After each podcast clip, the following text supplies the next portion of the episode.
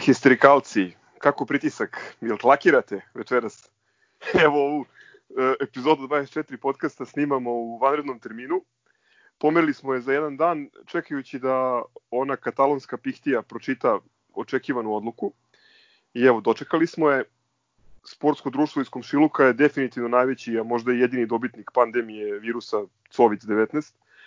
Ovi, u futbolu su, kao što znate, legalizovali već otimanje još jedne titule u rukometu, iako su i matematički poslednji ovaj, opstali su u ligi, a u košarci je Glibulja koja je završila sezonu u top 14, a regionalnu kao treće plasirana uz jednu neregistrovanu utakmicu, eto još jednom administrativnim putem dobija na poklon učešće u Euroligi.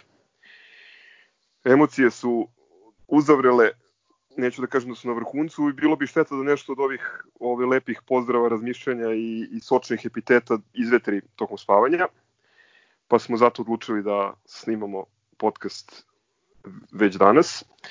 Ovi, da ne dužim, za početak će svoje mišljenje da iznese Vili, koji ovaj, nije večeras fizički sa nama, da uživo predsedniku poželi srećan rođendan, ali pošto je bio najveći optimista tokom cele sezone, prvi će dobiti reč. Vili, Izvoli. I desilo se to.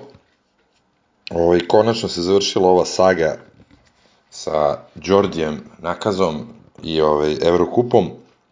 Nažalost, najgora moguća opcija. Nije bilo ni F8, nije bilo ništa od toga, nije bilo ni F4. Sve kao u oktobru prošle godine.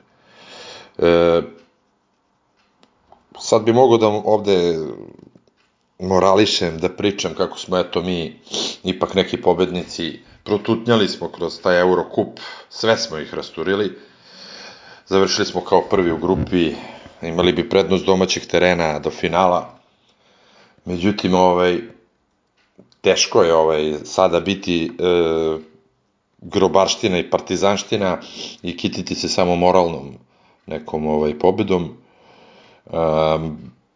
Mnogo mi je teško palo, a, najviše, znači ne zbog nas, zbog publike, zbog navijača, najviše mi je palo zbog ovog tima koji ja stvarno ne pamtim bolji tim ovaj, i bolju hemiju u, u, u celom, ce, u celoj priči, ono, od igrača, stručnog štaba, uprave, navijača, znači napravljeni smo, napravili smo nešto što je Pa ja ne znam, eto, stvarno je bilo fantastično i stvarno ih sve volim ovaj, kao majka ludu decu ovaj, svakog od njih. Nažalost, bojim se da, da, da će ovo napraviti e, poromeć i kod nas u klubu, da će mnogi otići, najviše se bojim Trinkija, da će otići i ovaj i da ćemo se vratiti u neku učmalu baru, Ovaj, e, naravno i sada ABA Liga tek, koliko razumem, apsolutno gubi smisao i igrala se, ne igrala se, ovaj, ništa ne znači. Ako će ovaj, ova Gamad i Železnika opet da idu u Euroligu ni krivi ni dužni. O, jedino što sam siguran a, da će sve to da im se da, da nam se vrati ovakva nesreća mislim bukvalno ovo ni, ni ne znam da, da li je nesreća ili je e, ne, ono, neko bacio kletu, neku fatvu na nas, ona, na temu, ali ovaj, morat će to da nam se vrati kad tad, nadam se što pre, ovaj, do tad, onako mi ćemo ići i gledati više manje makar igrali i cipiripi kup Slavice Ćuktera, što kažu, ovaj, ali uh, izdržat ćemo. Đordiju samo da, da poželim e, da dobije sifilis i gonoreju od svih onih beogradskih kurvi koje mu je Čović 19 namešta ovde i, ovaj, i da mu poručim da jede govna. Dobar i zdrav. Sam rekao će ovo govno da krade. Skloni to. E, pošto ovaj, mislim da Lemi ima, iako je najmlađi večeras, najviše pritisak, sledeći dobio reč. Milenko, izvoli, šta ćemo dalje? a, ne znam šta ćemo dalje. Ove, ovaj, a, prvo moram da kažem da, da ovo danas a, nije samo poraz Partizana, već i poraz evropske košarke. a, bez ikakve neke želje da, da, da patetišem, mislim da je danas a, evropska košarka otišla par koraka unazad. A, ja sam iskreno mislio da će, bio sam ubeđen da će se nastaviti u kom formatu, ne znam ovaj, da li bi svi ovi Amerikanci se vratili, to nisam znao, ali sam mislio da jednostavno su tu neke pare u opticaju od tih TV prava i od sponzorskih ugovora i da to jednostavno nema šanse da se ne završi na bilo koji način. A, međutim, evo videli smo danas da, da je zapravo Bartomeu bio taj koji je započeo sastanak sa predlogom da se liga suspenduje, što je onako, verujem, mnogi iznenadilo. Ono što je isto jako zanimljivo, to je da je navodno trebalo danas da bude to glasanje 11 uh, klubova koji imaju A licencu, međutim uh, mi nismo dobili zvanično ovaj, rezultate tog glasanja. Tako da je veliko pitanje da li, da li je tu uopšte bilo glasanja, ko je bio za, ko je bio protiv. Ja iskreno mislim da je više klubova onako načelno bilo za igranje.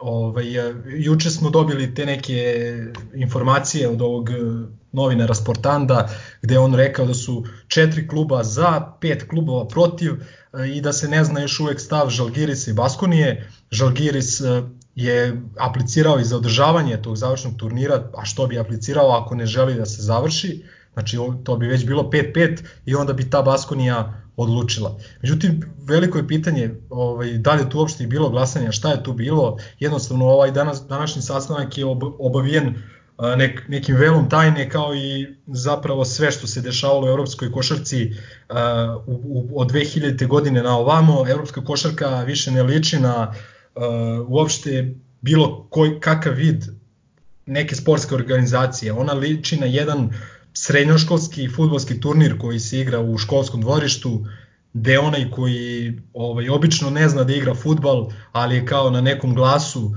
ovaj, neki mangup iz kraja, on kao pravi taj turnir, a, on određuje ko će da igra, kad će ko da igra, ko će da pobedi i tako dalje. Partizan je najveći gubitnik ove odluke, a, ali nije jedini. Tu su i Virtus, tu je Unikaha i oni su i, ovaj, uskraćeni za to pravo da se, da se bore za, za Euroligu. A, vidimo, svedoci smo da dešavalo se par godina unazad da šampion recimo Italije ne igra Euroligu, jednostavno nema, nema pravo da igra bez obzira što je prvak svoje države i što je eliminisao taj Armani koji ima tu jebenu A licencu.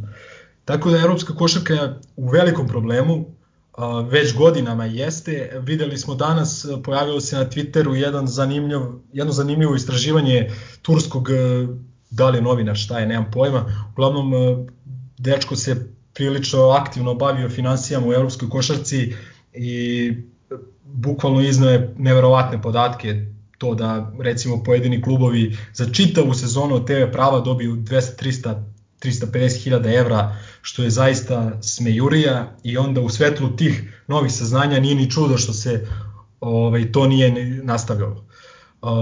Ja sam, kažem još jednom, mislio da će se to završiti.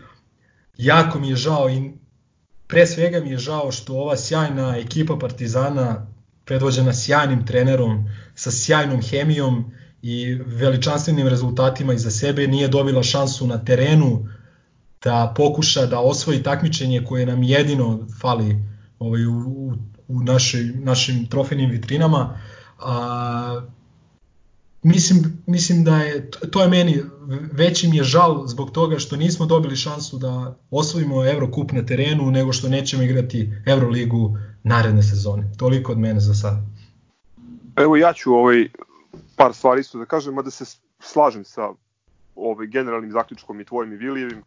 A, mene ovaj lično ovde zanima samo isključivo košarkaški klub Partizan i ne znam, možda ovaj, zbog toga me ovo nešto nije ni iznenadilo, a nije me ni previše potreslo. Pričali smo ovaj, i u nekim ranijim podcastima i dosta smo razgovarali ovako privatno ovaj, prethodnih ne dana, nedelja, nego meseci.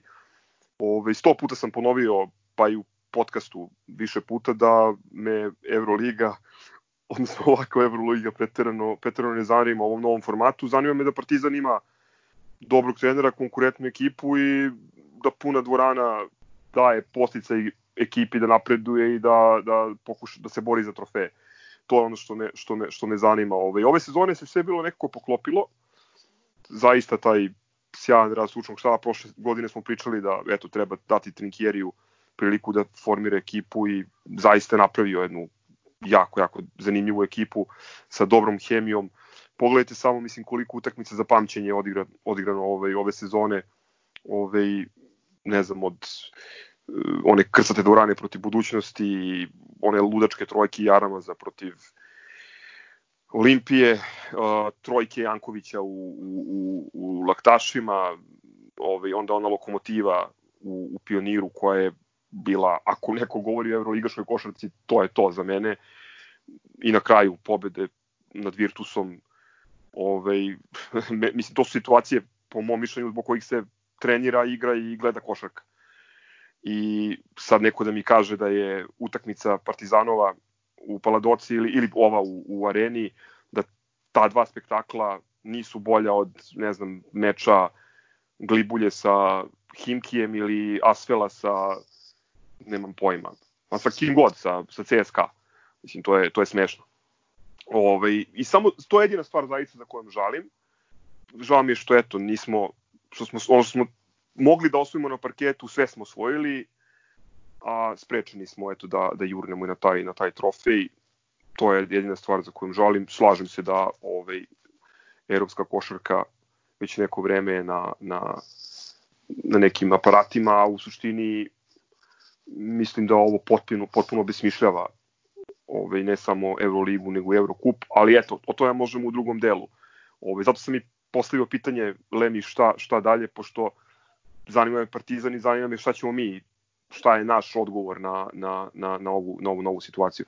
Hoćemo li ponovo da ovi, svi budemo ljuti na, na Đordija zato što je lignja ili će klub smeti ili da li će biti dozvoljeno da odreaguje na, na, na način koji je koji je adekvatan. Jer da se ne lažemo ponovo nešto što smo ponavljali više puta, moje mišljenje da Partizan čini Evrokup i svako drugo takmičenje velikim Ove, a tak, sledeće sezone mi opet ove, punimo hale po Evropi i dižemo rating takmičenju koju, među vreme, koju su među vremenu napustila još koliko, dva ili tri ove, dosta solidna kluba, mislim da je besmisleno jer očigledno da se radi o čakaonici bez izlaza, gde mi odatle pitanje da li možemo da, da, da uđemo na kao neki sporedni kolosek uz ogromnu, ogromnu, ogromnu rezervu ovaj, čini mi se da sam baš ja u, u, u 10. ili 11. epizodi sa Vilijem razgovarao o tome da li bi pandemija mogla da izazove ovakvu reakciju. Ovo sad kažem, opet nije nikakva naknadna pamet. Baš me zanima kako će da se igra i ta sledeća sezona koju su planirali za da počne 30. septembra, ako se ne varam. Ko može da garantuje da nekako skockaju jedno i drugo i treće takmičenje, pa da opet da se ne desi drugi talas. Ko će onda da obešati klubove.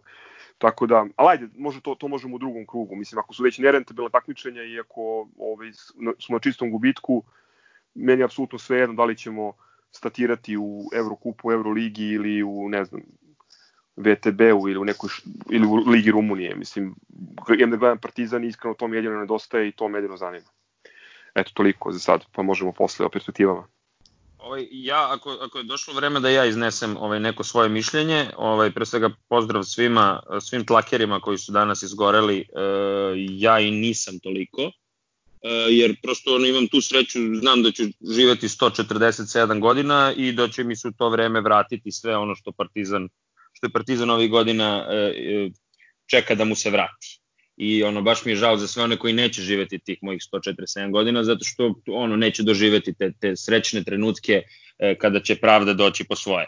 I što se mene tiče uopšte nemam danas nemam ni inspiraciju ni ni ovaj ideju da da nešto sad ovde monologiram kako smo u ovim trenucima uh, Skype-ovskog druženja primorani da radimo, nego slobodno možete se ono odmutirate svi i da učestvujete, pošto ja ne znam, ne znam šta, šta bih vam rekao dalje od, od toga da ja ništa drugačije nisam ni očekivao. Mislim, mislim da je Glibulja u Euroligi uh, jedan sasvim, sasvim korektan, korektan proizvod društva i vremena gde mi, ono, da nama pada bankarski sistem zato što ljudi proveravaju da li mi lego 100 eura. Mislim, to jeste, jeste bukvalno mesto gde mi živimo, tako da je to skroz, skroz u redu, mislim, i to, mnogo mi više smetaju ovi svi koji seire e, od sreće što Partizan i ono Bodo, Ostoja neće kako se zove igrati igrati sledeće godine Euroligu zato što su verovatno ne znaju ni oni zašto, ali eto samo to da radi. Tako da ja bukvalno stvarno ne znam, ono, ono najžalije od svega ovoga mi je što ovaj hlapljivi kinez nije sačekao da se ono skuva taj šišmiš, jer bismo verovatno napali 1 euro trofej.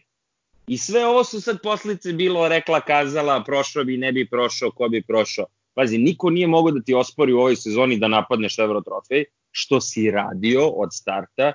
Zabole mi iskreno, kažem, mene stvarno jako zabole uvod, da li, ćemo, da li bismo uzeli Eurolig, ovaj, ABA, ABA ligu ili ne. Onaj kup je bio strava što smo ga uzeli, zato što smo ga uzeli na način na koji smo ga uzeli, ne zato što donosi bilo šta drugo.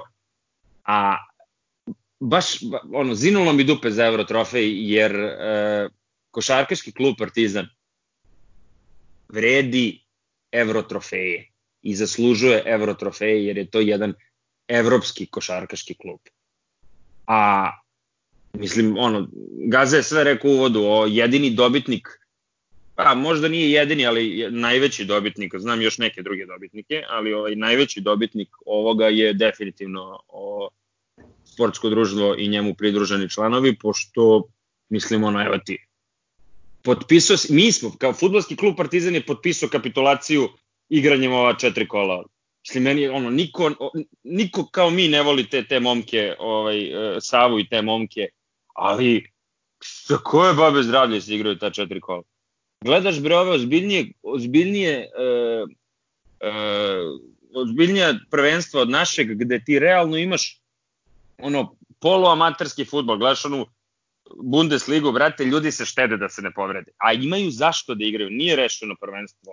E, ima još mnogo do kraja. Kod nas ti, brate, sve rešeno. Sve ti je rešeno.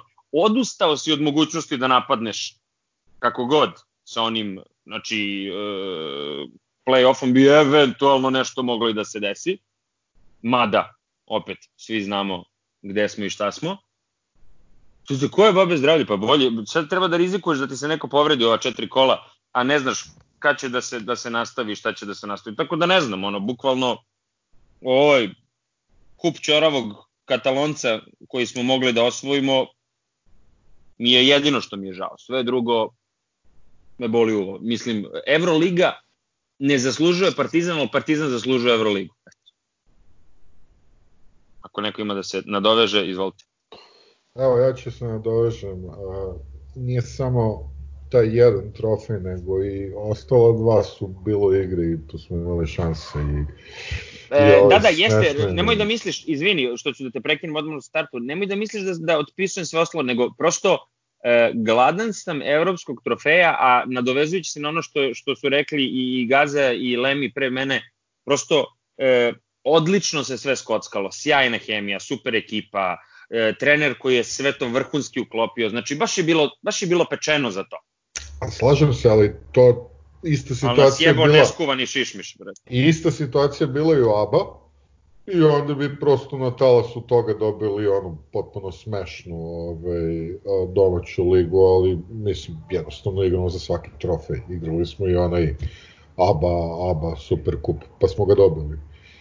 I to, to će uskup postati jedini zapravo završeno takmičenje ove sezone koje smo igrali, tako da dva, dva kroz dva. Ali, nemoj zaboraviti ali... crk, izvini, nemoj zaboraviti uh, trofeje iz Poljske i Rumunije. da, dobro, to, zaista, to, to držimo u posebnoj trifini. Tribi, ovaj, a, vi trini, za Ove, ali, a, da, to, to, to mi je bedno i ono, ono čega se pribojavam je ove, šta će biti a, sa, sa timom, šta će biti sa Trinkijem, a, nemam pojma, što se mene tiče, ta Evroliga zaista ne, ne mora se igra, a, više bih volao da ponovo napadamo Eurokup, ali kako će to sve izgledati, a, kako će se uopšte igrati, bit će publike, neće biti publike, niko ne zna A prosto, eto, žao mi je što nismo dobili priliku da dovršimo ono što smo ne započeli, nego nego odlično odigrali i realno najbolje stajali u ta dva prekrenuta takmičenja. Mislim, govorimo o ABA, ne znamo šta će biti sa ABA, ali sudeći po ovoj odluci katalonskog ta verovatno će da premene istu meru i, i to će biti to. Izvin, da se nadovežem samo na ovo što si rekao, ja e, nisam ubeđen da je ovo i to nije nešto sad ja da tu kao nešto prizivam dobre vesti to, no. nisam ubeđen ja da je ovo neka finalna varijanta. Nije, po, nije poznat jedan slučaj gde, gde Čoravi Katalonac ovaj, ima ima neke ono iznenadno promjene mišljenja, pritom pazi, ogromna je lova bre ljudi u igri tu za, za, za njih, ono, nek se ne, pobune ljudi. Prvo pričati o, o integritetu takmičenja koje to talonsko govno organizuje smešno. Sad ćemo se, pa mi smo pukli ovaj, duple karte za, za Berlin zato što je promenjen datum Tako odigravanja utakmice protiv, mislim, Tako je. potpuno smejurije, cipiripi kup, a nije ni, ni Euroliga bolja, mislim, a, ja se zaista nadam da će govno da pukne žestoke pare na ovo. Da, da, a, a, mislim, a mislim da je, da je to prilično izvesno. Ovaj, I to ne ni zbog toga nešto nas je oštetio, nego to je stvarno kancer košarke. Da. Ta, to takmičenje, ajde sad ću ja da uletim, pošto te Boki prekinuo samo, ovo, ja, ovo ti. onda, ću, onda ću i ja da, da te prekinem. Naravno da je novac u suštini svega i žao mi je što bankar nije tu da, da elaborira, ali e, sva rentabilna takmičenja sportska u svetu će se nastaviti pronašli su ljudi način da ih nastave, jer je preveliki novac, novac u igri. Ovo takmičenje je nerentabilno, u startu svi gube i ovaj, ideja je verovatno bila da bi nastavak agonije značio da, da klubovi izgube još dodatno ovaj, za te jeli, ugovore koji bi morali da se produžavaju, za ovaj, organizaciju, za smeštaj. Ja ne znam, oni su pričali kao da bi, da bi ovaj nesrećni sponsor, generalni E, Turkish Airlines koji pitanje da li, ove, da li i da li je solventan, da će on kao da uradi logistiku, ali pitanje da li bi to mogli da organizuje. Što je takmičenje koje je totalno neozbiljno. Milo je lepo rekao ovaj, organizacija na nivou školskog dvorišta i to ono, mlađi razredi osnovne škole. Ovaj, ali šta ćemo mi, mi u svemu tome? Ajde, ovaj, imamo gosta da i njemu damo reč da završi ovaj prvi krug, pa onda da razmišljamo o, o ovaj, pošto niko nema odgovor, da gledamo malo u kristalnu kuglu i, i da spekulišemo, da fantaziramo šta će biti dalje. E, gost se vraća posle podcasta iz Bačketa i Bolonje.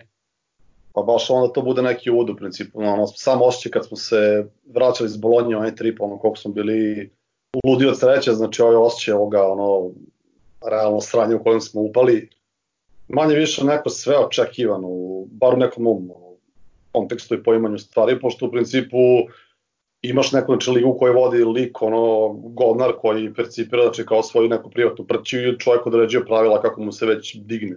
Isto nešto ne uklapamo i jebi ga, tu smo gde smo. Opet nije mi sad nešto žao te Euroligi, u suštini boli me za nju, u par navrata sam branio tu tezu, znači da to nije toliko ni bitno, ali mi je samo zapravo žao, žao što je ono, tim bio tako postavljen da smo imali i ekipu i atmosferu i moment Jedino što je u principu konstantno to nema publika, znači to manje više postoji uvek i super što je tako i znam da ćemo i naravne godine isto puniti koji god halu da ono, budemo morali da punimo. Ovaj, a sam moment znači, onog e, starta sezone 20. septembra, znači bio mi je jako dobar trip, znači nagovešte svega i jednostavno je nepravedno da svako završi, ali jebi ga sad šta je tu. Je. Znači, nema sad tu puno mudrosti ni kukanja treba samo da vidimo u principu šta uopšte možemo da uradimo ono kao klub, jer u ovom slučaju bi neka reakcija trebala postoji, a pitanje je veliko šta uopšte smemo da uradimo. U ovim okolnostima, znači u sve to šta uopšte možemo, jer suštinski nemaš sad ti neke mehanizme koje možeš da povučeš, niti možeš da pretiš prelaskom u neko drugo takmičenje koje je tako idiotsko kao i sam Eurocup, znači koji je amaterski u smislu znači onoga što ste pominjali svi, Tako da manje više, ne znam, pojenta je samo da po meni ne treba kukati, meni je tlak na tisuću, ali jebi ga sad, ono, proći to, pa hajde vidimo šta su opcije koje nam trenutno ostaju i šta uopšte možemo da uradimo u ovim okolnostima. Veliki problem i ono zbog čega sam se ja posebno iznervirao danas, uh, to je činjenica da smo pre par dana dobili najave da će se danas znati da li će se igrati Euroliga i Eurocup, uh, ali da se sigurno neće, neće znati ko će biti učesnici takmičenja naredne godine, naredne godine ako se donese odluka da se, da se te lige suspenduju.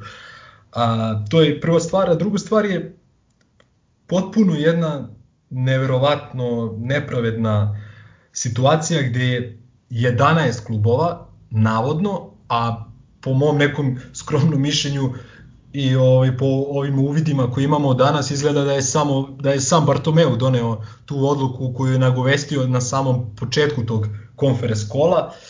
Ovaj, ali u principu znači da jedan čovek pa i sa tih sa ili bez tih 11 klubova sa licencom odlučuje o uh, sudbini uh, koliko ima Euroliga klubova 18 i Eurocup 8 klubova. Znači, uh, jedan čovek odlučuje o sudbini dva takmičenja i ispostavit će se verovatno, a to očekujemo svi da ABA Liga prepiše odluku Euroligi i da poništi sezonu, dakle ta, ta odlu, jedna odluka se automatski preliva i na ABA Ligu. A, to je ono potpuno neverovatno, mislim verovatno je i vidimo i nažalost da je i realno, ali ovaj, to je ono što mene posebno onako poražava kao čoveka koji, kao što svi znate, jako voli košarku. Da vidim da su bukvalno cela evropska košarka je ono u rukama jednog čoveka šibicara i klošara koji vidimo da, da, da, da, da gura, gura košarku ka samom dnu.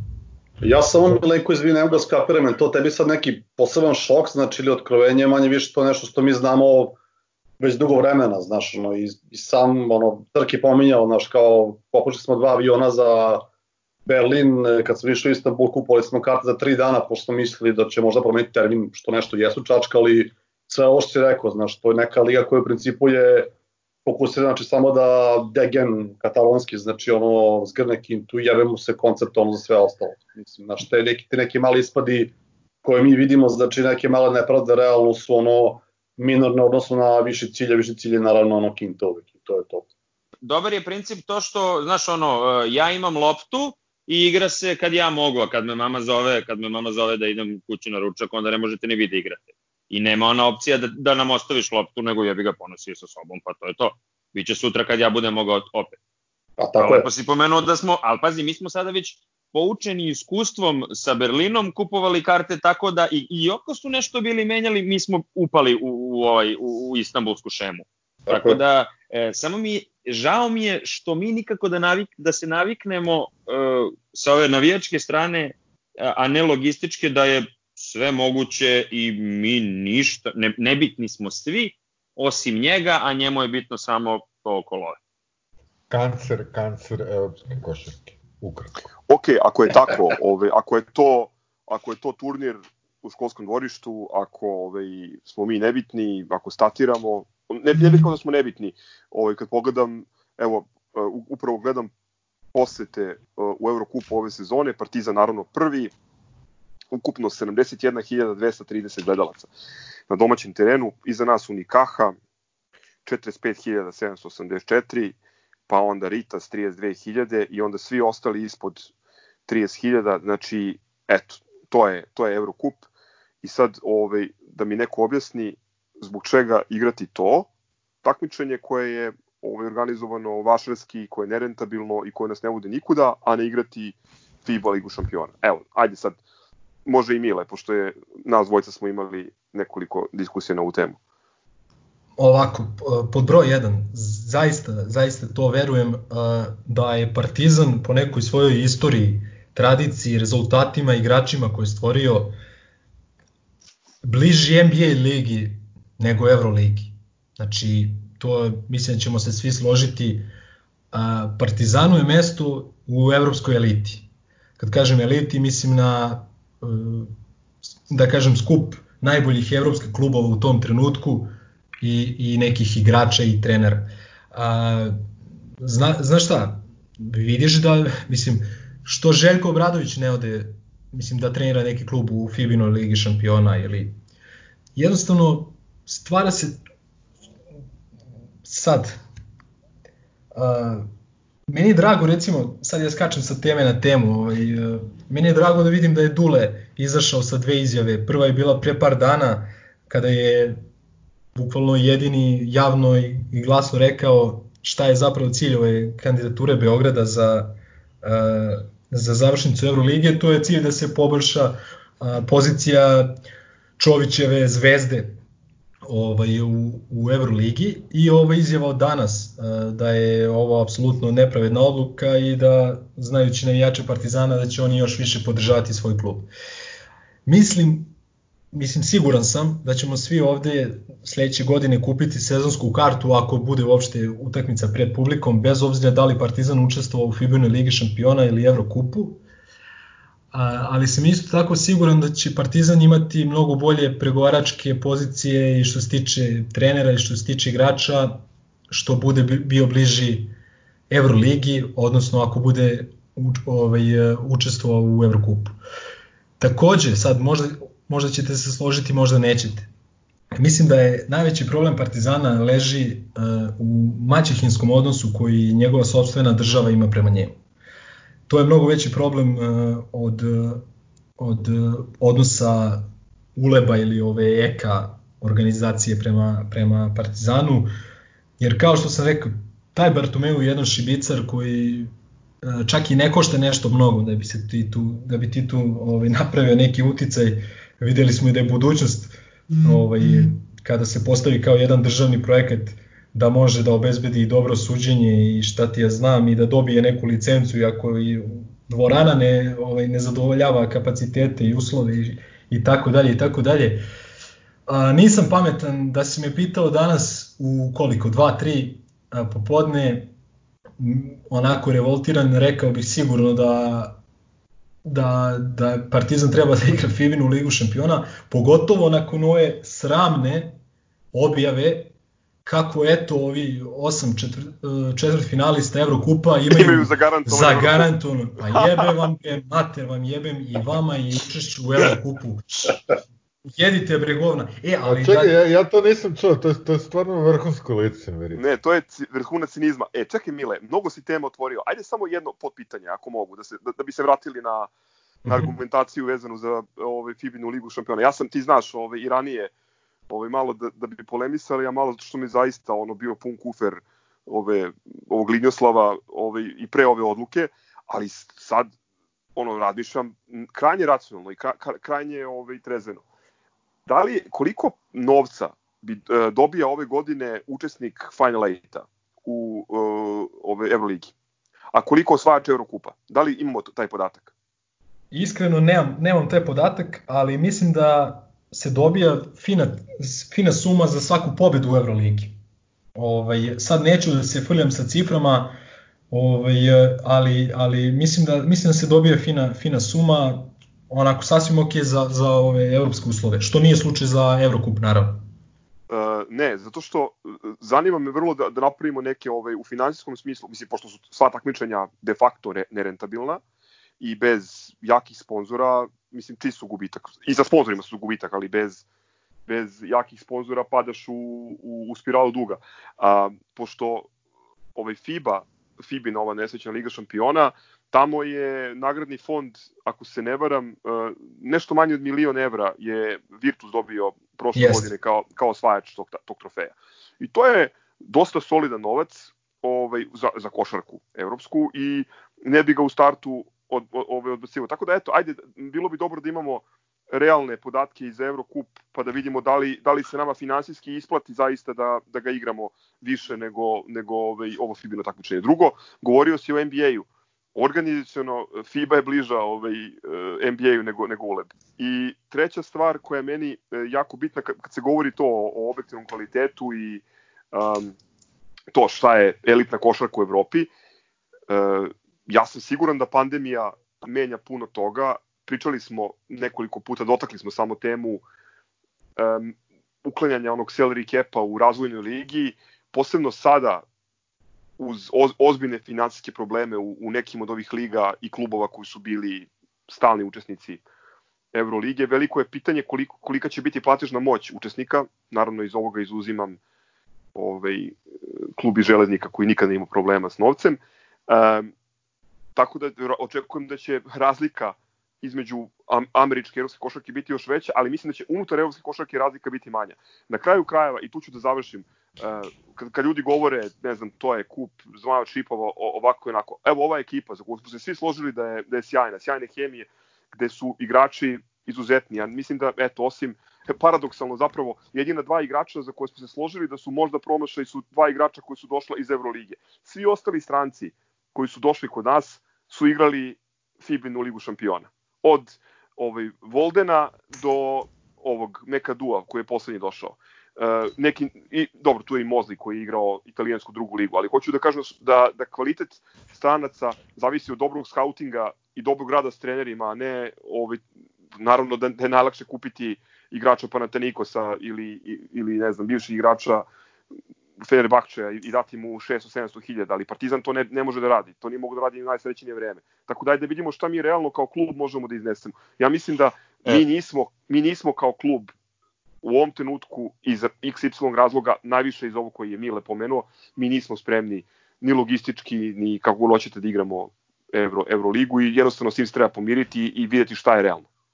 Uh, apsolutno se slažem što si rekao za, za scouting i već sam pričao u nekim epizodama da uh, odlični igrače mogu, možeš naći u italijanskoj drugoj ligi, u Izraelu, uh, Belgiji i tako dalje. Uh, I uh, slažem se da ima dosta dobrih i zanimljivih igrača u Fibino Ligi šampiona. Samo sa druge strane, uh, pričamo o nekom sistemu ili barem o pokušaju uspostavljanja nekog takmičarskog sistema. Ja iskreno nisam video da FIBA toliko vrednuje uh, rezultate. Ovaj, faktički mi smo dobili dobili smo ovaj, pre par dana i ono odgovor od FIBE da svako može da igra FIBE takmičenje ako se prijavi do recimo 5. juna. Pa nije ni to baš, ovaj, složit ćete se, nije ni to baš onako takmičarski a, prava stvar. Ovaj, ovo je njima velika šansa i to se u pravu. Smanjit će se, smanjit će se razlika u kvalitetu između Euroligi, Eurokupa i FIBA Liga šampiona. Mislim da će se pojačati pritisak nekih timova poput recimo Virtusa i Partizana, da li ćemo mi izaći iz Evrokupa, ja sam čuo da za, trebalo bi očekivati neke odluke, vidjet ćemo kakve će biti od kluba, da li se čeka sednica ABA lige, ne znam.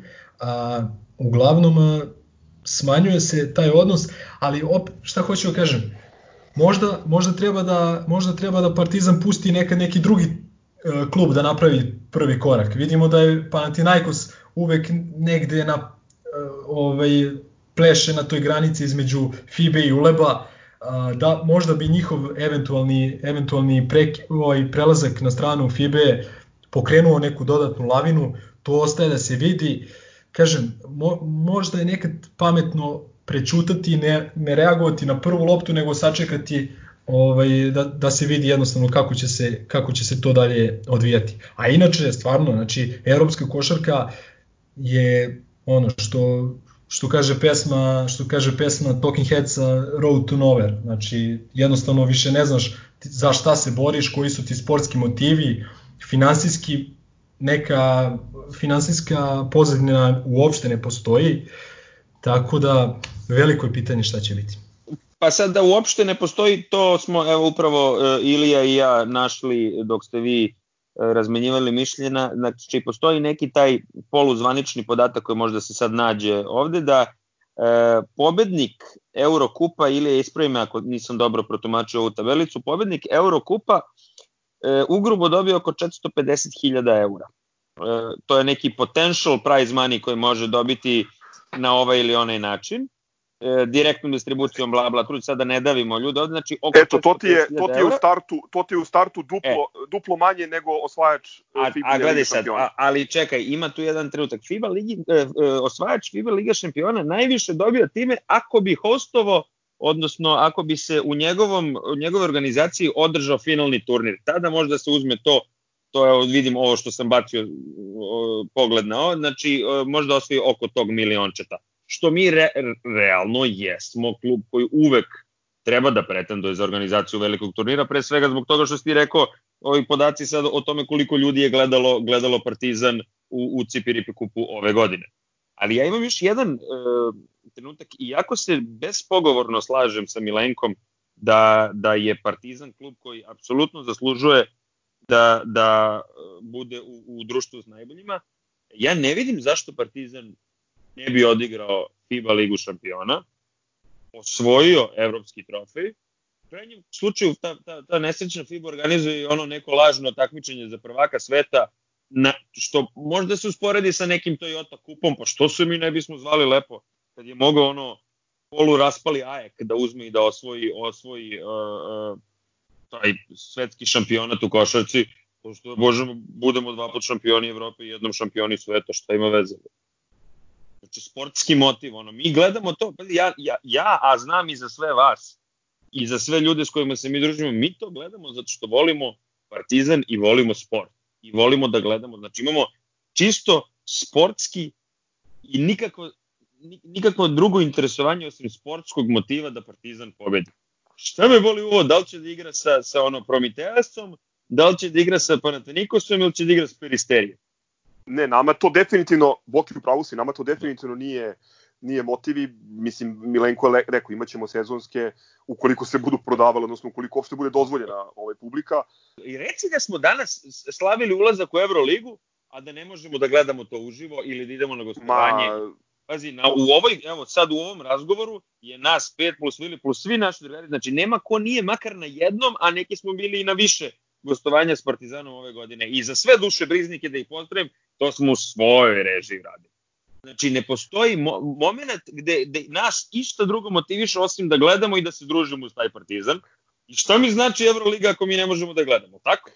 Govorimo sada o drugim racionalnim, izvini Ilija, vidim da čekaš, ovaj, teo sam samo da, da pokupim nešto što je Boki pomenuo, jer mislim ovaj deo argumentacije nije usmeren na ljude koji će, koji će gledati Partizani protiv Zjelone Gore i protiv Tamiša, nego ljudima koji možda eto vole Euroligu iz ne znam kog razloga.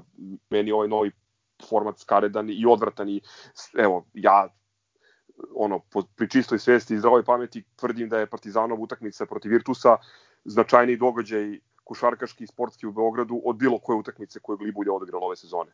Hvala lepo.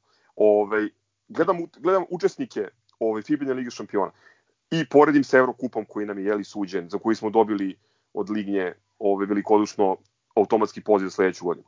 Po čemu je, a, ne znam ni ko će učestvovati i, od ovih a, a, italijanskih klubova sa tamo, bit, ono, značajnije od recimo Dinama i Sasarije. Ili ne znam, zašto je Andora bitnija od uh, Burgosa ili nemam pojma ko je to, Manresa ovaj, ili Tenerife.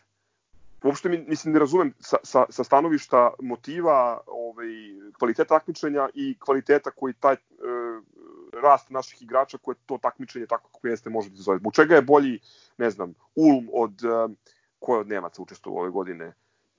Telekom Basket Bon ili ne znam ni ko je učestvovao, nije ni bitno.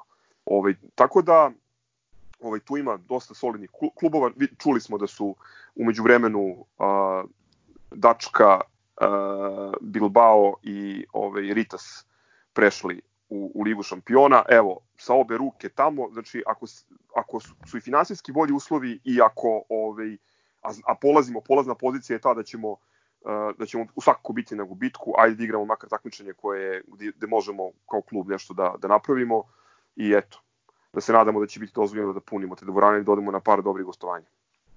Pa u principu, kada pričamo o ovoj temi Evrokupa versus uh, ove FIBE, realno u nekom sportskom smislu meni je onako suštinski isti kurac jedno i drugo.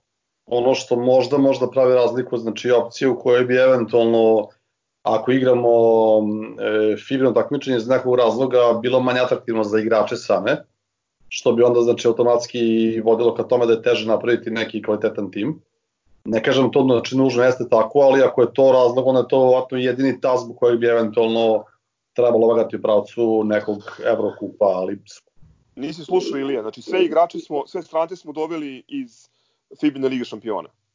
Ne, ja to znam, sve to stoji ok, znači ništa nije sporno. Ti kažem, znaš, ono kada gledaš perspektive, znači da dalje gradiš tim koji bi trebao da bude ravnoparan, znači na domaćem nivou da ova govna počisti od limenki, znači, znaš, ako je to iz nekog razloga bitno igračima i ako to nekom znači, razlogu može da, razvoj može da tim znači, učini manje jakim, onda je, kažem, to po meni jedini razlog zašto bi eventualno razmišljao pravcu Eurokupa, ali suštinski, sportski, mislim da takmičenje ono potpuno egal u tom nekom smislu. Euroliga znači jeste drugi znači nivo i najjače takmičenje, ali hipotetički već znamo da su znači ne, ne buduju sportski uspesi, znači dostignuća, nego suštinski je to ono, privatna prća ogovneta i to je to.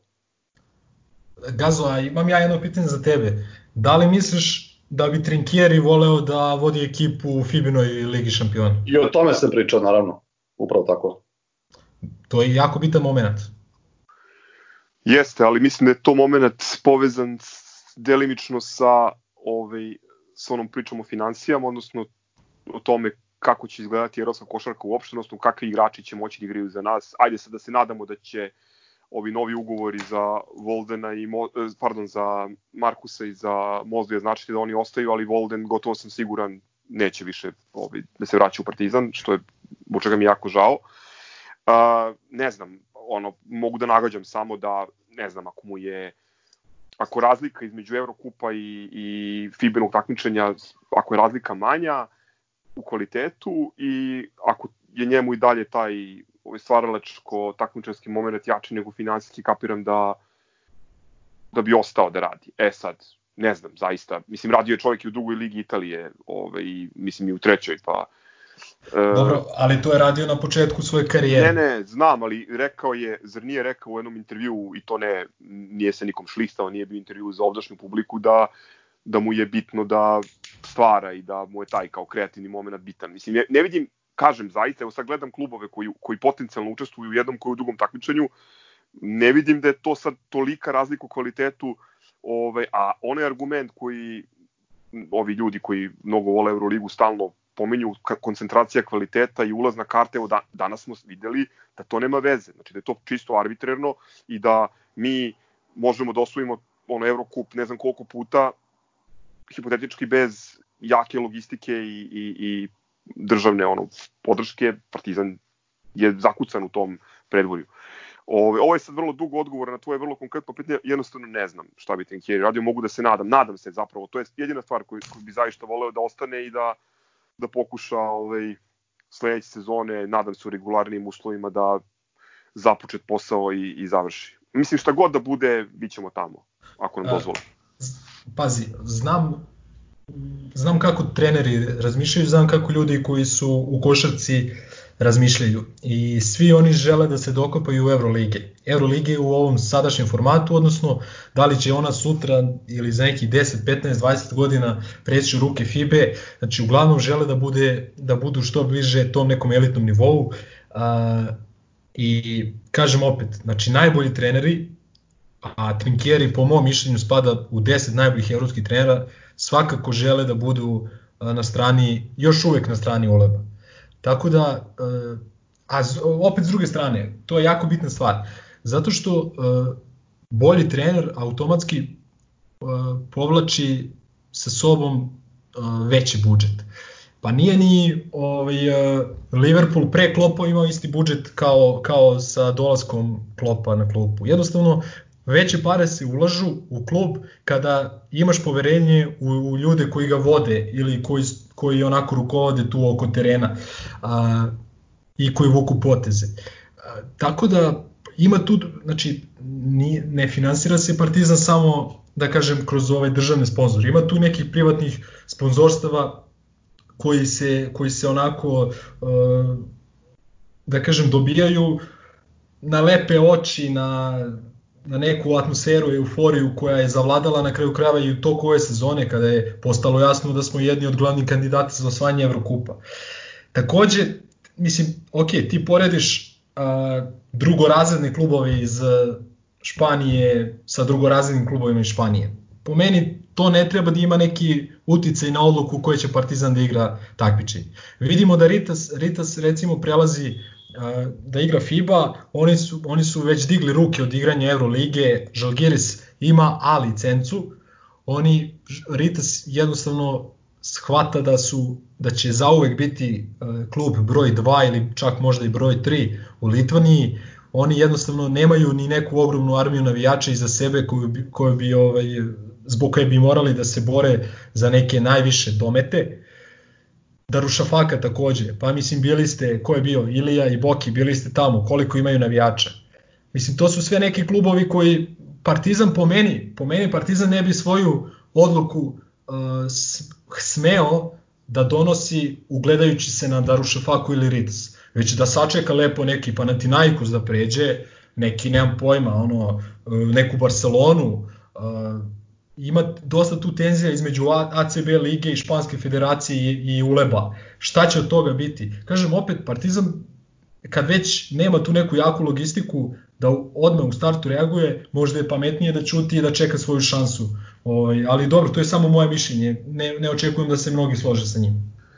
Mile, da li znaš uh, kakva je situacija sa Italijanima? Vidim da, da je tamo ovaj, Savez vršio pritisak na klubove da se vrate u, u ULEB. Da li se zna definitivno ko učestvuje u kom takmičenju?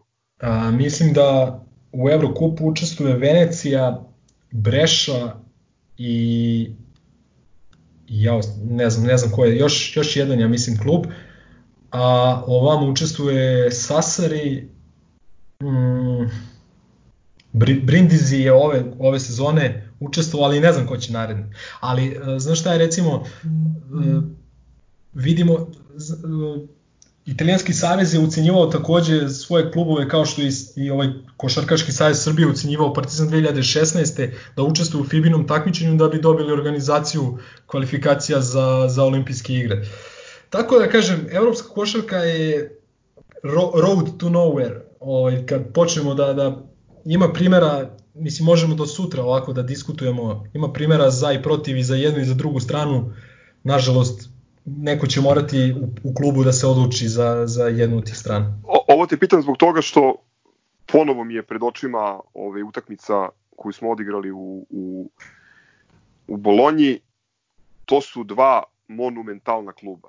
Znači u neverovatnoj košakaškoj atmosferi uz pismenu publiku, uz ne znam koliko desetina ili stotina trofeja u prva dva reda.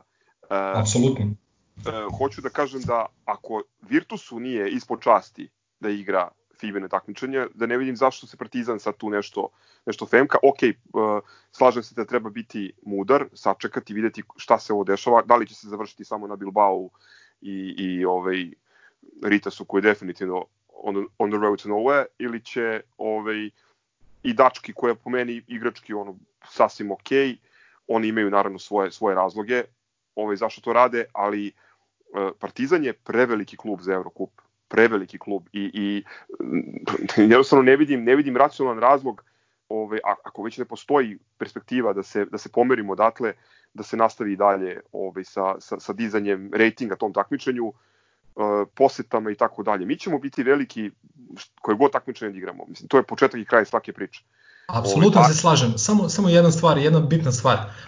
Virtus je par meseci možda čak i mesec, dva od e, osvajanja Fibinog, Fibine Liga šampiona aplicirao da igra, da igra Evrokup. Znači oni su pobegli iz Fibinog takmičenja nakon što su ga osvojili. Mislim i to govori nešto. Mislim posle naše utakmice u Bolonji su odigrali ove ono ono egzibiciono takmičenje Fibino na, na Tenerifama. Mislim, nisu oni zatvorili ono guzicom vrata. I hoću da kažem da ako takvom klubu nije ispod časti da igra tamo, ajde da vidimo šta se dešava. Boki, izvini.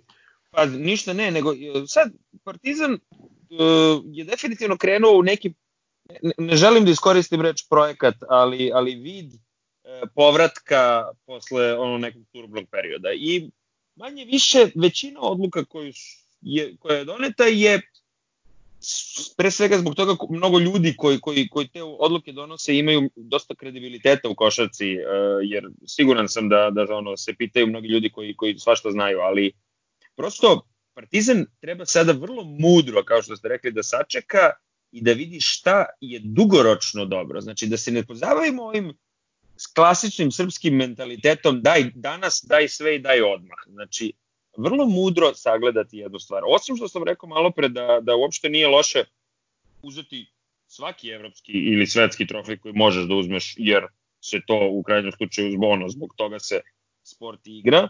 I jeste da razumem da košarkaši, e, da im je atraktivnije da igraju Euroligu zato što je to menadžerska priča i sve, ali Partizan treba biti jako mudar. Ovaj katalonski Lignjeslav uh, je sebični dečak koji ima loptu, ali sigurno će u nekom trenutku još neko da se pojavi sa loptom i onda će moći da se igra. Ja sam siguran da će doći trenutak kada će nekom Real Madridu, nekom Panatenikosu, nekom e, Makabiju da pukne film jer će njima da zaigra mečka pred vratima, pa sve i da imaju 30 A licenci i onda će da kažu, e čekaj, sad ćemo mi da napravimo svoje takmičenje, što mi da delimo sa, sa, sa Jordijem bilo šta i što mi da zavisimo od jednog katalonskog šibicara. Znači, treba biti pametan i družiti se s najboljim. Ono, druži se s odlikašima, iako možda u ovom trenutku nisi, nisi ovaj e, najbolji đak. Pa evo ovaj ali danas, imaš, izvini Boki, ali ovaj imaš, danas... Ali imaš potencijal da to budeš, reci se. Ovaj vlasnik Panathinaikosa, legendica Janakopoulos, ovaj, evo danas je dizao frku, kako se zove, na, na tom sastanku, video sastanku, on je čovek, on je čovek koji daje, daje svoje pare, ovaj, ulaže u taj klub, on je rekao, čekaj čoveče, Bartomeu je rekao, čekaj čoveče, pa ti odlučio si sve, odlučio si kolike će biti plati igrača do kraja sezone, da li nastavili ili ne nastavili, uh, vamo tamo, znači ti sve odlučuješ, ko si ti da odlučuješ šta ću ja radim sa svojim parama, pa se onda, ne znam, neko iz Barcelone uključio i onda je on rekao, ovaj, pa lako je vama, vi imate futbolski klub, ovaj, iza sebe, kao što, šta ću ja da, da radim. Je, ovaj. da, da li je i njima lako? Znaš, ono, uh, mi živimo u zemlji gde je u jednom danu uh, neko rekao da je korona prošla i da to nema nikakve posledica, dobit ćemo stotkicu, ako je neko dobio danas stotkicu svaka čast čestitom, ja još nisam, a možda jesam, ali mi pukla aplikacija, ali u svetu su uh, ekonomske posledice uh, ovog, ove pandemije tek ono tek počinju da se pojavljaju. Znači, mi ne znamo kako će izgledati ni taj futbal, ni košarka. Da li će igrati pred publikom? E, neke, neki ozbiljni klubovi zarađuju neku, neki novac od toga, i što su kod nas karte dakle kakve jesu. Ali, znači, ne znaš ekonomski aspekt svega, možda ta Barcelona okrene leđa, okrene leđa košarkaškom klubu. Znači, e, nemaju svi ono bankomat e, sa 840, jebi ga iz trezora da im stigne lova. Slažem se. Realno, realno ne znamo kako će sve to izgledati. Slažem da se. vrlo treba voditi računa s kime se sad igramo, da ono, da, da, da prosto iz ovoga postoji jedno dobro rešenje možda se izvuče, dugoročno gledano.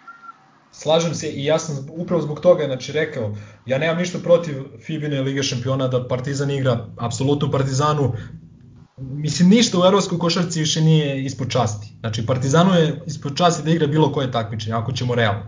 Ali ovaj pustimo prvo Panathinaikos, pustimo Makabi, ne znam, Efes će verovatno možda isto biti ljud zbog ove odluke. Pa čovječe, kako špance. neće? Pa to ti kažem. Kad će da osvoje Euroligu? Evo druga sezona za redom, znači im beži ono iz, iz ruku, bukvalno. To ti kažem. Znači, neće, neće Bartomeu oboriti Partizan i Ostoja Mijajlović. Oborit će ga klubovi koji imaju stvarno velike pare i koji imaju tu neku, neku veliku moć. To je moje mišljenje sad. Treba se igrati sa takvima, razumeš? Ok, pomenuo si ovaj čoveka kom je danas rođendan, ostali su se učutali, da vidimo I, šta... I čoveka, izvini, čoveka koji je 15. put ispao ono glup u društvu, iz, iz, izletavši se sa nepotrebnom izjavom, ono, mislim, care, čuti, evo ti, čuti, pa ispadni, ne znam, veliki ono predsednik, nešto, nema pojma ako, ako to prođe, ali ako ne prođe, nisi ispod glupi, evo te, znaš, ne mogu da verujem, stvarno ne mogu da verujem. E, sad sam se iznervirao. Ja isto moram da jedem nešto, ali bukvalno. da li ovo znači da ne verujete u boru kroz institucije? O, da, to znači ne verujem. Ali smešno je, smešno je zato što ovaj, zapravo sad ima savršen alibi. Ovaj. Ma ne, ja njega ne krivim za ovo. Znači, o, realno, kažem, nije samo Partizan ovde gubitnik, ovde je gubitnik i taj Virtus i Unikaha i, kažem, svi ti italijanski Efes. klubovi i Efes i italijanski klubovi koji mogu da osvoje Palacanestro a da ne učestvuju u, u ovaj u, u Euroligi i tako dalje. Mnogo je gubitnika u evropskoj košarci, raz, razumeš, ali ono, čoveče čuti i radi svoj posao, pa ako bude nešto super, znaš, ono, aplaudirat ćemo, ali... Meni je žao što Vili nije tu, ovaj, jer um, neki od ovih diskusija iz ranih podcasta, a, to na temu velike dvorane, na, na temu ambicije i tako dalje, sad mogu da se gledaju značajno drugačijim... Uh... Dobro, ali aj sad ruku na srce, niko nije očekivao Čović 19. Mislim, ne, ne, nije, ali, ali, ako ti, ali ako ti cela konstrukcija ili projekat, kako je Milenko rekao, počiva na šest ono premisa koje su klimave ovaj, toliko da, eto, na prvoj stepenici padaju. Baš zbog toga, mislim, e, treba izvući neki, neki uzbiljni i, i ono dugotrajniji zaključak, to šta je u ovom trenutku finansijski, organizaciono, e, logistički e, mera za Partizan. Slažemo se da je on kao klub veći od svih tih takmičenja i svih tih klubova koji, koji u njima figuriraju, ali šta je za nas strateški bitno? Šta je to što mi možemo da, da igramo, da, a da ne ugrozimo ovaj, dugoročno ono, postojanje kluba? Uh, mislim, publiku ćemo imati, pa ćemo imati, nadam se da ćemo zadržati dobrog trenera, eto sad ima tu i nekih zanimljivih mladih igrača. To je mene, mene je to recimo ta, ta taj trač koji je pro, e, prošao kroz mreže prošle, prošle nedelje više iznervirao iskreno od ovoga, ove današnje ove odluke odnosno čitanja odluke koje je vjerojatno ranije doneta. To da mali Stefanović ne želi da potpiše ugovor. Ispostavilo sad nije tačno. Ovaj. To me više iznerviralo iskreno nego, nego priča da li ćemo igrati u Euroligi. Jer mi se ono, uh, Mi smo doživjeli kao klub ozbiljan šok posle onog sramnog teranja Duleta i prosto traženje ne identiteta, tu, identitet je tu i Partizan je Partizan i to je najbitnije, najbitnije od svega u, u celoj ovoj priči. Što je Partizan jedan, jedan jedini i zna se gde je, ovaj, gde je bio i gde je ostao, nego kako da se u ovim novim okolnostima gde de facto parket i sport imaju sekundarnu važnost u odnosu na neke druge stvari, kako tu može da se pozicionira i da izvuče najbolje. Mislim da je to suštini nešto što svi pokušavamo da kažemo, samo svako posmatra iz nekog drugačijeg ugla. Ikac, ili imaš ti ovaj, još nešto pametno da dodaš? Pa nemam u principu, ja sam danas ono baš bio prso jako, pa sam se ono smirio, pa sam čitao neke idiote, pa sam se ponovo spalio, pa... A niko ne može da spali ko grobari, ono, debili po mrežama koji kenjuju po svemu, znači čim se ako nešto desi, znači po čemu treba i po čemu ne treba. I opet sad sam ponovo miran jer ono, suština je vrlo prosta, okrenuo sam ekipom znači, koju ono volim i znam da ćemo do godine pičiti na gostovanja, gde god igrali, šta god igrali i to mi je suštinski najbitnije. Znači samo da bude tekmi, da bude publike i jebi ga igramo šta igramo, volimo Partizan. To je to. Meni je žao što Vili nije tu uh, i zbog njegove mudrosti i vrcavosti, a i zbog njegove finansijske ekspertize. A, tako da... Uh, forenzičar. Slažem, da, e, finansijski forenzičar. Slažem se sa Milenkom u tome da treba sačekati, videti šta se dešava, a ne treba sada prelamati neke stvari, a, niko ne zna kako će izgledati ta sledeća sezona, ni finansijski. Čak i ovo što pominjete razvojnu ligu, koliko će te razvojne igre, lige u Americi biti finansijski likvidne. Znači, a, niko ne zna šta nas čeka u životu, pa tako ni u basketu. U basketu koji ovako dok, je, dok su finansijske bile relativno normalne je baš onako visio i bio prilično neprofitan. Tako da ne bih, mislim da se ja pitam tu bilo šta, ne bih prelamao preko kolena, a, odsmrdeo bih ovim a, zacrtanim putem, prihvatio velikodušno taj tu, tu čast da možemo ponovo da igramo Eurocup i video kako se razvija. Jer na kraju krajeva mi govorimo o, o klubu koji ima veliku tradiciju i neće se ništa promeniti za tih godinu dana. Samo što se tiče razvojne lige, ovaj 500.000 dolara je maksimum koji igrač može zaradi tamo za godinu dana, to je promenjeno ove godine, znači povećan je taj maksimum, s tim što je to bruto. A, kad se da, odbije porez, ali, kad se, pare, kad se odbije, ali, ali Gledaj. pare, znaš, znaš koja je sada situacija u celom svetu, nema. Ne, ne, ne, kažem, kažem samo da je to i dalje u nekom najboljem slučaju oko 250.000 dolara minus troškovi za agenta i za šta sve ne. Znači i dalje će prosečni igrači u evropskoj košarci zarađivati više od nego što, što bi zarađivali u razvojnoj ligi. Pa veliko je pitanje da li će u Americi moći da im plate toliko, a i ovde. Znači, niko ne zna kako će izgledati i ono što me najviše brine, a, koliko će se igrati u praznim dvoranama i kad će publika moći da, da se pojavi. To je najbitnija stvar. Ono što mene najviše u ovom trenutku brine, izvini ga samo da se nadovežem, ono što mene najviše u ovom trenutku brine, e, što smo danas Milenko i ja, pošto sam morao da vidim da će da preživi brat ovo, ali dobar je, morali smo se prošetamo po gradu, znači e, jako me, jako me brine koliko će ovi što imaju državne trezore moći da dobiju love, bro. I ono, kakve će oni timove moći da naprave. Pošto vidim da se večiti, večiti zamenik javio sa time da se kandiduje Beograd već sada za Evro finale, to je Final Four. E vidi, to je, ono, to je ono što sam spomenuo pre nekih meseci ili nešto jače kad smo pričali o tome, ja se baš toga bojim da će sada ti ove, one koji visi na državnoj sisi zapravo i profitirati od cele situacije, jer kako ti kažem, iste stvari kao i recimo sa avioprevoznicima nacionalnim koji će da isisaju šta im treba. Tako da ovaj, ne verujem da, da je to stvar na kojoj će se štedeti. Mislim da su mnogo ugroženi oni koji zaista imaju neke realne budžete. Mislim, ne postoji klub sa realnim budžetom, najugroženiji su oni koji funkcionišu vezani za futbolske klubove koji su preživeli ono brodolom i klubovi koji su iz država u kojima je ovaj COVID-19 unakazuje ekonomiju tako da će privatnici imati pametnija posla od filantropije i podrške Đordijevom ovaj, nerentabilnom pa, projektu. Da, ali dalje kažem, bolje te si vezan a, recimo za državu u Srbiji da si saš njen budžet nego da si saš budžet futbolskog kluba Barcelona.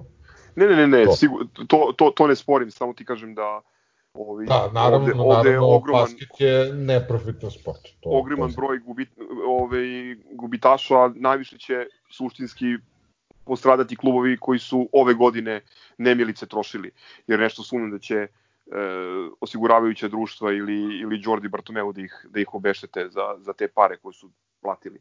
Ne znam, odmah mi pada na pamet Makabi koji ne, ne, znam, ne znam koliko miliona je bacio ovaj, kroz prozor. A, ne, pa hajde da vidimo uopšte finansijsku konstrukciju, ok, prekinuli ste takmičenje carevi, šta sad, mislim, ozbiljni su gubici zbog toga. Ja sad nisam pratio detaljno, moram da priznam, e, to što je taj sindikat igrača sa, sa Jordijem pregovarao, on je nešto, ne, neki minimalni e, pay cut im je uveo, uveo nešto 5% čini mi se na, na ove ukupne plate, što je odmah bio znak da, da se da. priprema teren, jer, jer mislim, koje je, koje je sada, koje je posljedica igraču, Amerikancu, kom ističe ugovor za 20 dana da se vraća u Evropu, E, uz ono vrlo nejasnu situaciju kada će se igrati, da li će se igrati, da li može da se razboli ili ne, da li će dobiti sledeći ugovor kad može da, da, da uzme 95% ugovora, a da se ne mrdne iz kuće i još da bude ispod nosa ovaj, potencijalno budućem poslodavcu u Americi. To je jedan faktor, samo to sam htio da dodam, koji Stimile u onoj svojoj analizi možda prevideo to da ovaj, ipak razvojna liga je veliki izlog i nije samo čist novac koji, koji, koji dola, dobijaju igrači ovaj, za nastupe tamo, već i šansa da ih neko od, od NBA ovaj, klubova uzme na, na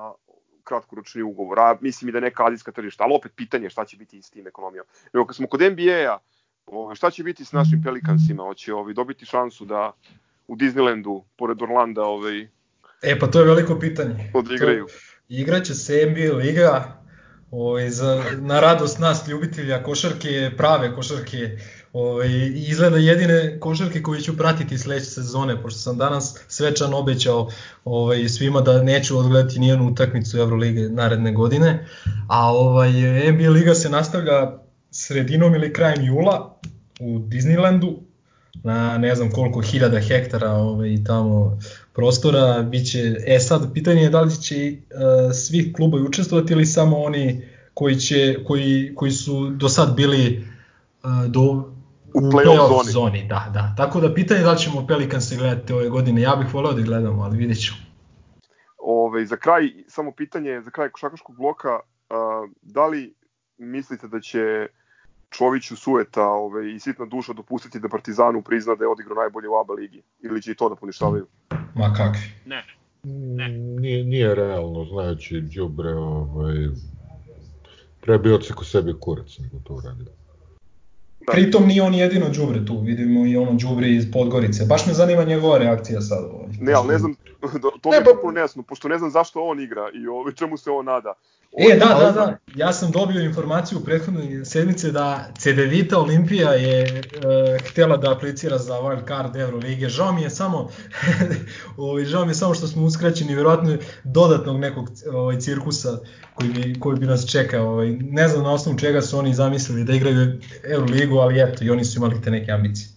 Ovaj, a, a samo bih a, da, da vas podsjetim da smo pred dva meseca ili ajde nešto malo manje a, pričali o tome kako je ovaj, ženska liga a, prekinuta i proglašen pobednik. I, ovaj, I kako je sad to potpuno, jeli, potpuno asimetrična situacija ako se kao što i očekujemo ABA proglasi nevažećim, publiki nevaži. Oni bi, oni bi se čisto marketinškog, odnosno samo reklamerskog stanovišta mogli Partizanu rutinski da daju ovaj, taj trofej koji ne znači ništa i da do, ostanu konsekventni ove nekim pred, dosledi nekim prethodnim odlukama i ženskoj abi, ali mislim da, da će tu, slažem se s vama, mislim da, to, da sueta, to neće dogoditi, da sueta ne dozvoljava. Ono što, ono što može da se desi je da se liga završi, da nema pobednika uopšte da ne bude proglašen šampion, ali da se dodeli 20-0 budućnosti u, u Podgorici. To može. To, to nekako verujem da, da, da može da se desi, da eto, ta liga dobije bilo kakav uh, legitimitet.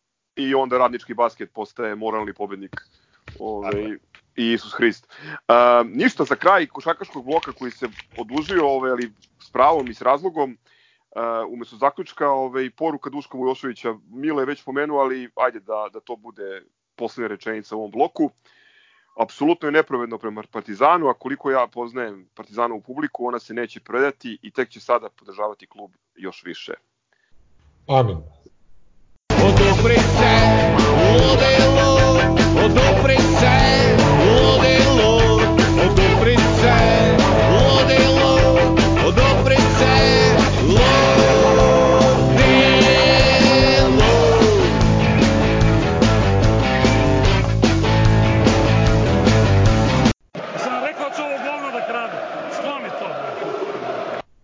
futbol je u ovoj epizodi ne u drugom, nego u 102. planu, ali imamo neke aktuelnosti koje vrede ovaj, bit, da budu pomenute. Imamo dve prijateljske utakmice nakon što se naša futbolska ekipa ovaj, okupila ponovo i početak ovog Ling Long Tire cirkusa u subotu.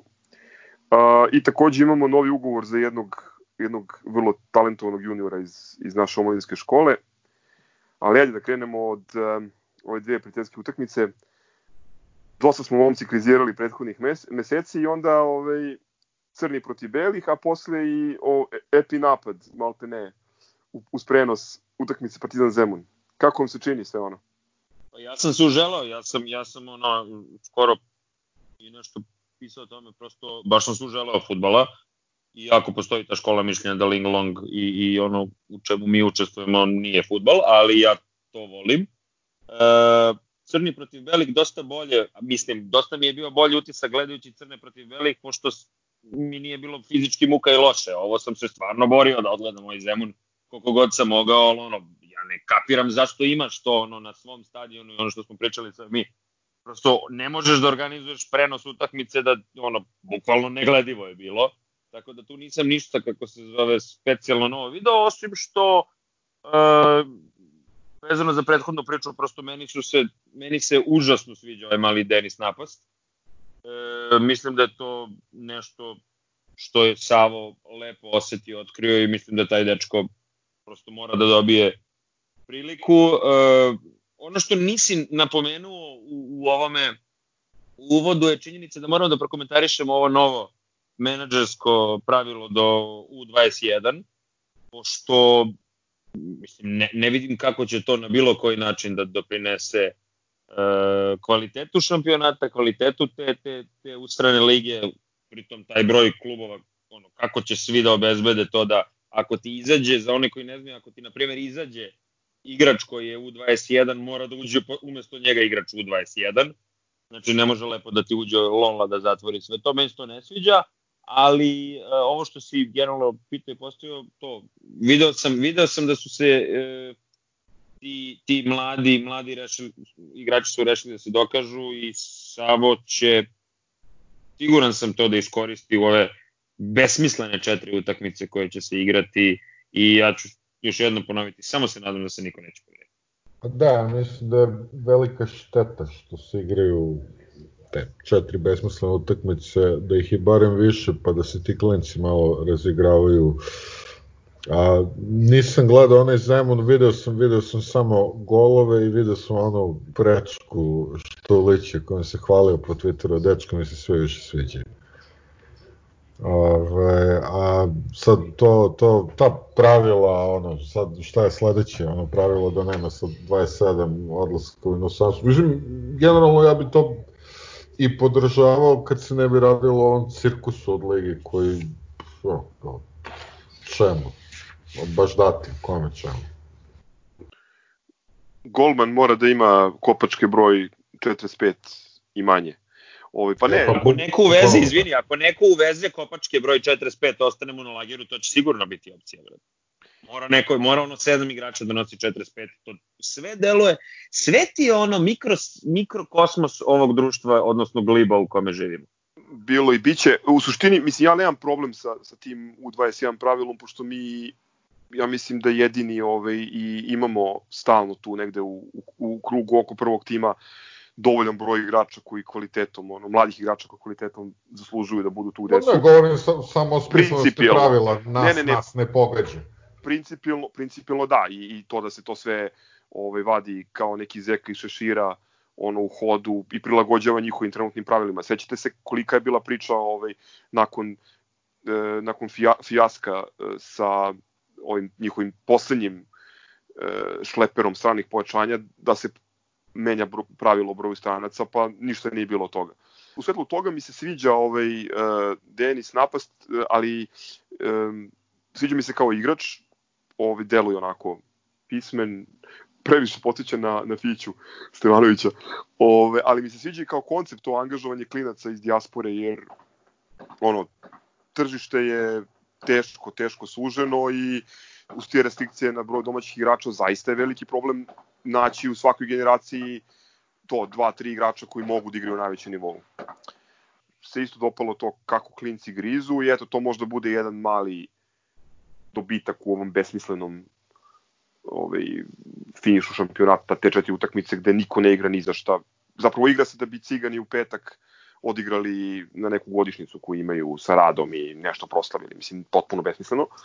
Ali, pred praznim tribinama, žao mi je. ove, ali, je, ali je recimo to kao prilika da, eto, Lazar Pavlović je odigrao dve ozbiljne utakmice, bukvalno na takmičarskom nivou, dok je, ono, imao je snage i dva lepa gola dao, e, nešto i namestio, Johnny Štulić, eto, prvi minuti, ovaj jedan dečko koji je ono u juniorima ozbiljno skakao. Mene je uvek posjećao na Savu ovaj, kad je bio mlad, tako jedan interesantan napadač. Ove, imao je jednu nezgodnu povredu koja ga je dosta dugo izbacila. Siguran sam da bi ranije da bi ranije on debitovao kad i njegovi ovi dugari iz generacije, tu mislim na Kalabu i, i Pavlović, ali evo sad ovo je prilika da pokaže ovaj, da se oporavio i da može da igra na tom nivou, a ima tu još mladih igrača među kojima je i ovaj mali Čolić, ovaj koji je 2002. godište, on je bio na pripremu ovim poslednjim, jedan jako interesantan igrač. U prošloj epizodi smo, uh, kad je otvorena tema Danila Pantića, uh, pomenuo sam da mislim da nam ne treba na pozemici između ostalog i zbog toga jer imamo nekoliko izuzetno talentovanih klinaca na pragu prvog tima, baš na tim ofenzivnim veznim pozicijama, on je jedan od njih, ono prava desetka, ovaj, što svoje vremeno reče jedan moj poznanik iz Crne Gore, Partizanov, eh, prepoznatljivi kreator iz naše škole, ovaj, onako, posjeća malo na Necu Mihajlović, samo što je na bateriji, neko je stabilniji, ono, besprekorna tek, tehnika, obe, obe noge koristi, dobar IQ, onako fin, pametan momak, vidjet ćemo.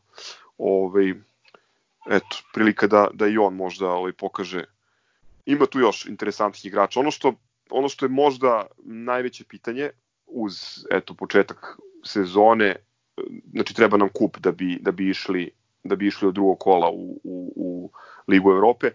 Šta će da se desi sa, sa ovaj, igračima u, u, u centralnoj odbrani? Pošto Kalaba od 1. jula ide u, u Francusku. Tu nemamo rešenje trenutno. Ne deluje mi da je Vitas ovaj, projektovan za prvi tim. A u školi trenutno nema igrača koji može da uđe ovaj, direktno u prvi tim. Tako da ne znam tu šta će da se desi. Ne znam da li imate neke informacije ili neka razmišljanja.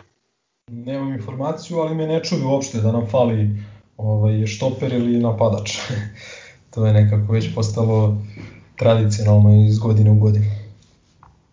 Si pričao, samo tresem glavom na, na ono, bukvalno da, da je video podcast, to bi samo sam tresao glavom, pošto ja ništa ne znam ovaj, e, o tome da, da se neki, neki mladi postoji koji može da uskoči na to mesto, ali što kaže Milenko, to je ono večno defi, deficitarna pozicija, ali s druge strane, ne bojim se, napravit će Boki Ostojić ako treba i od Vitasa nekog futbalera. Ima, ne, ne kažem da nema, ima taj mali Knežević, recimo on je više zadnji vezni, ali može da igra i štopera, dobar, onako plemenit igrač, malo je niže, ali dobar, ima taj Đurković isto koji je klinac, ali malo niže, ali isto dobar, onako koljač, podsjeća me na Sanderos, Ove, ali hoću kažem da nisu to deca koja su spremna sada da ulete u prvi tim i da igraju za mesec i po dana erosko takmičenje.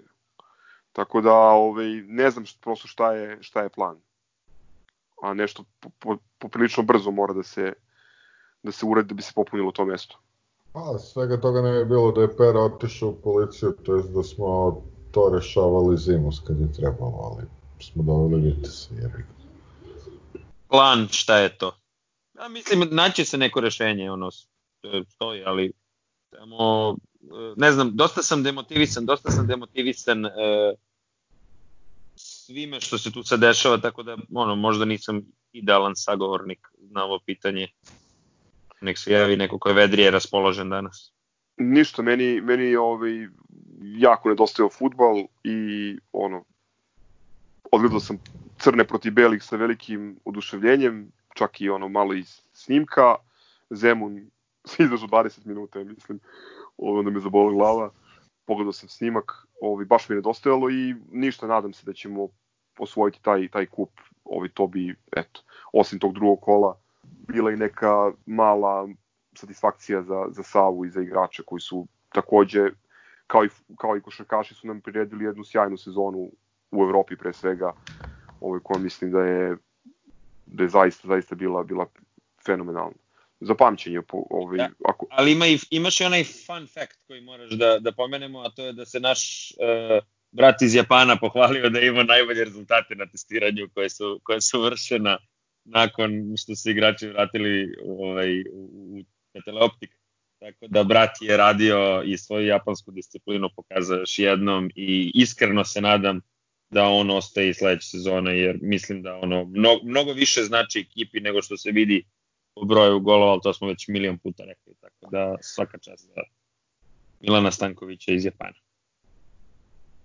Ništa, ovi, samo mogu da kažem da se nadam da, kao i u slučaju košarke, da će Savo i njegov slučaj štab ostati u klubu i eto, da ćemo ovaj, sledeće sezone gledati, pošto izvesno nećemo gledati regularnije i normalnije domaće takmiče, nećemo gledati Partizan u Evropi ponovo u jednom dobrom izdanju.